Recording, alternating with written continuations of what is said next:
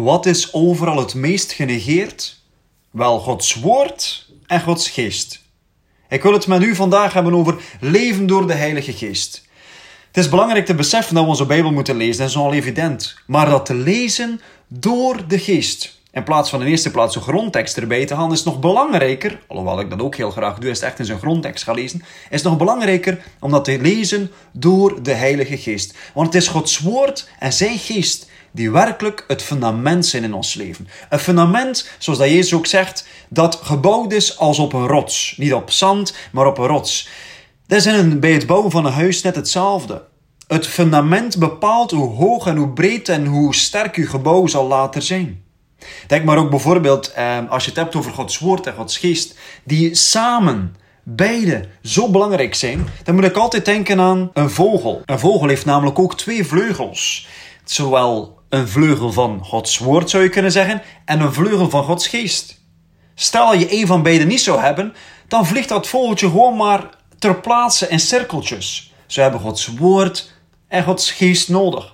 Belangrijk is om dat te beseffen. Het is een uniek boek, geschreven door de Heilige Geest en openbaart nog altijd tot op vandaag wat er precies allemaal in staat. De bedoeling van het hele boek, de Bijbel, is dat het u leidt naar de auteur door de Heilige Geest, zodat je in relatie kunt staan met de auteur. Want vergeet nooit, de letter doodt, maar de geest maakt levend.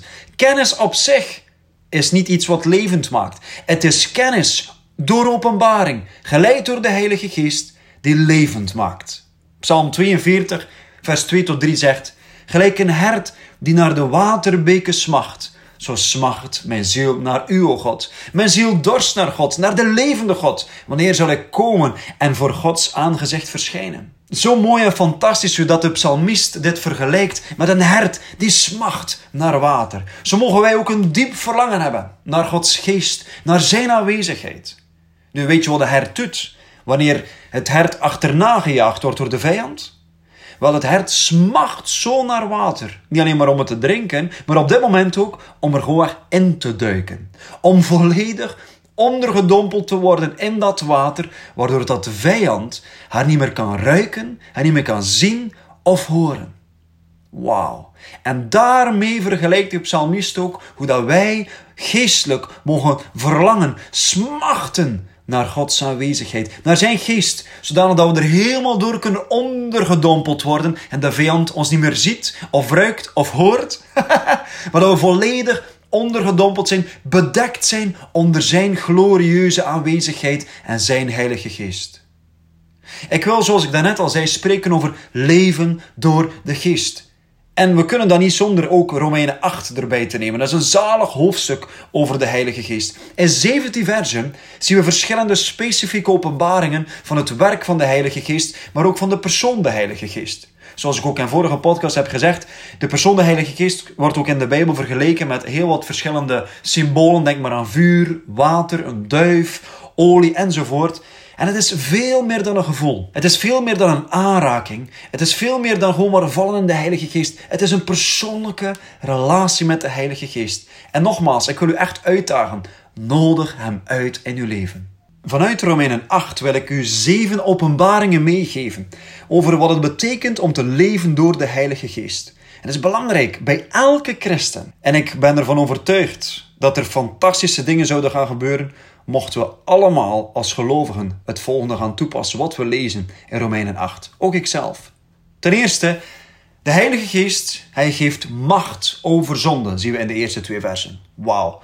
De wet van de geest des levens geeft ons vrijheid, lieve mensen. Vrijheid van zonde en dood. Want door de geest hebben wij de heerschappij over zonde en niet omgekeerd. We zijn geen slaven meer, worden niet meer in bepaalde hokjes geplaatst. Dank u Jezus. Want het is die genade van God door de Heilige Geest die ons de macht geeft over de zonde. En genade is niet de goedkeuring om te zondigen. Genade is de kracht om de zonde te overwinnen. Nog een openbaring van de Heilige Geest in vers 3 en 4 van Romeinen 8 is: Hij zal de wet vervullen. En vervulling van de wet van Mozes geeft ons namelijk die vrijheid die we nu hebben in de Heilige Geest. Nu begrijp me niet verkeerd. De grondtekst voor het woordje vervulling is het brengen naar een hoger niveau. En dat is enkel maar mogelijk door de Heilige Geest. Ten derde, Hij zal u de verlangens van God geven. Vers 5 tot 8.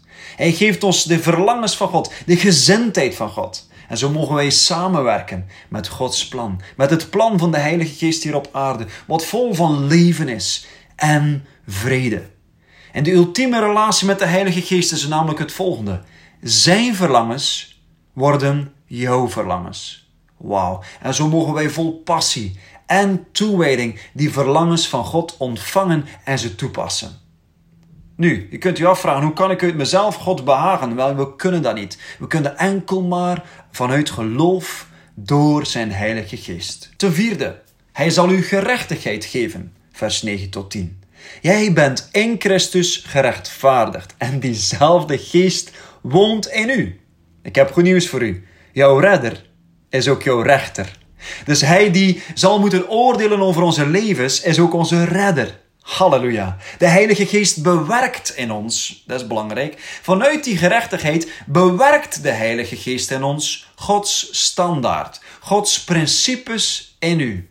En dat zijn niet de principes van de wereld, maar Gods standaard, zijn principes worden door de Heilige Geest in ons bewerkt, omdat Hij ons die gerechtigheid in Christus Jezus heeft gegeven. Ten vijfde, Hij zal leven geven aan uw lichaam, staat er in vers 11. Dat spreekt over genezing, spreekt over gezondheid. Wanneer we wandelen in de geest, moeten we dit beseffen. Zijn wil is gezondheid. Hij wil dat je krachtig leeft, dat je een krachtig lichaam hebt. Er staat ook in Jesaja 40, vers 31. Maar wie de Heere verwachten, wie hopen op de Heer, die putten nieuwe kracht. Zonder de Heilige Geest kunt u zelf uw eigen kracht niet vernieuwen. Want het is Hij die degene is die uw sterfelijk lichaam levend maakt. Nu al. In versen 12 tot 14 van Romeinen 8 staat er het volgende. Ten zesde, hij zal het eigen ik doden. Ja, ja, ons eigen ik moet sterven, moet gedood worden. De werkingen des lichaams moeten gedood worden, staat er. En dan zult gij leven. Wauw. En door de geest mogen wij dan zonen en dochters zijn van God. Nu, je moet wel goed begrijpen dat, zoals ook in de internationale gebarentaal, dat wel, zowel voor overwinning als overgave net hetzelfde is. Als iemand bijvoorbeeld in een film zichzelf wil overgeven, wat doen ze dan? Hun handen opsteken in de lucht en zichzelf overgeven. Maar denk maar aan bijvoorbeeld een voetbalwedstrijd waar een overwinning is. Wat doen ze? Juichend ook hun handen opheffen. Dat is net hetzelfde. Die overgave en die overwinning is ook aanbidding. En dat is het doel, lieve mensen, van zonen en dochters vol van glorie, die God gaan aanbidden. Door hun eigen ik te doden. En daar zit nu juist dat gevecht tussen ons eigen vlees, onze eigen ik en de Heilige Geest. Daarom dat ook Paulus er heel duidelijk in was dat het zo belangrijk is dat we ons eigen ik en de werkingen des lichaams doden. Namelijk nog ons karakter die moet gevormd worden en moet meer en meer gaan lijken op Jezus. Daarom hebben we ook zo hard de Heilige Geest nodig. Want wat is onze focus? Het gaat om de ander. Niet ik en ik en ik en mezelf en me, myself en I, zoals we zeggen in het Engels. Bijvoorbeeld in een huwelijk is dat hetzelfde. Of in een kerk of in een groep mensen die samenkomen, sowieso ook hetzelfde. Het is niet van wat haal ik eruit, maar de vraag zou eigenlijk moeten zijn, onze motivatie zou moeten zijn, wat breng ik erin door de Heilige Geest? Terwijl dat de Heilige Geest ondertussen ons eigen ik doodt, mogen we leven door de kracht van de Heilige Geest. ik vind het altijd fantastisch om over de Heilige Geest te spreken. Dat is onvoorstelbaar. Ik geniet er echt van. Ten zevende en tot slot. Hij zal getuigen van uw verlossing. Versen 15 tot 17. Want we hebben geen geest van slavernij meer, om te vrezen, om angstig te zijn, maar van het zonschap. En daar wordt de Heilige Geest ook van getuigd. Er staat doorheen Gods woord ook keer op keer terug. Er staat ook in Psalm 51, vers 12 tot 14: Schep mij een rein hart, o God, en vernieuw in mijn binnenste een vaste, standvastige, gewillige geest.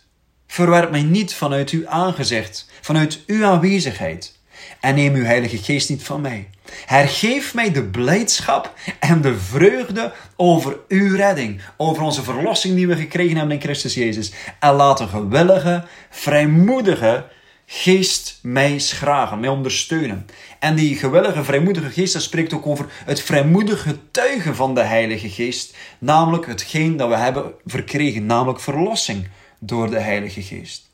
En als we het hebben over leven door de Heilige Geest, dan is dit echt wel een belangrijke. Namelijk dat we in al deze specifieke zeven openbaringen van de Heilige Geest, dat wij ons overgeven en intiem leven door de Heilige Geest. En ik ben ervan overtuigd dat dat hetgene zal zijn waardoor opwekking zal komen. In onze straten, in onze dorpen, in onze steden, in onze gezinnen, in onze huwelijken en in dit land en de landen wereldwijd. Werkelijk leven op een intieme manier in en door de Heilige Geest. Ik wil afsluiten met een overwinningslied. Dat er staat in hetzelfde hoofdstuk 8 van de Romeinenbrief, de versen 31 tot 39. En zo van belang ook in deze unieke tijd waarin dat we leven. Ik lees dus Romeinen 8, vers 31 tot 39. Wat zullen wij dan van deze dingen zeggen? Als God voor ons is, wie zal dan tegen ons zijn? Hoe zal Hij, die zelfs zijn eigen zoon niet gespaard heeft, maar voor ons allen overgegeven, ons met Hem ook niet alle dingen schenken? Wie zal uitverkoren Gods beschuldigen? God is het die rechtvaardigt. Wie zal er veroordelen? Christus Jezus is de gestorvene. Wat meer is, Hij is de opgewekte die ter rechterhand Gods is, die ook voor ons pleit. Wie zal ons scheiden van de liefde van Christus? Verdrukking of benauwdheid? Of vervolging, of honger, of naaktheid, gevaar, of het zwaard. Gelijk geschreven staat, om uwentwil worden wij de ganse dag gedood. Wij zijn gerekend als slachtschapen. Maar in dit alles zijn wij meer dan overwinnaars, door Hem die ons heeft liefgehad. Want ik ben verzekerd dat nog dood, nog leven, nog engelen, nog machten, nog heden, nog toekomst, nog krachten, nog hoogte, nog diepte, nog enig ander schepsel ons zal kunnen scheiden van de liefde van God, welke is in Christus Jezus, onze Heer. Amen. Ik wil u uitdagen. Leef door de Heilige Geest.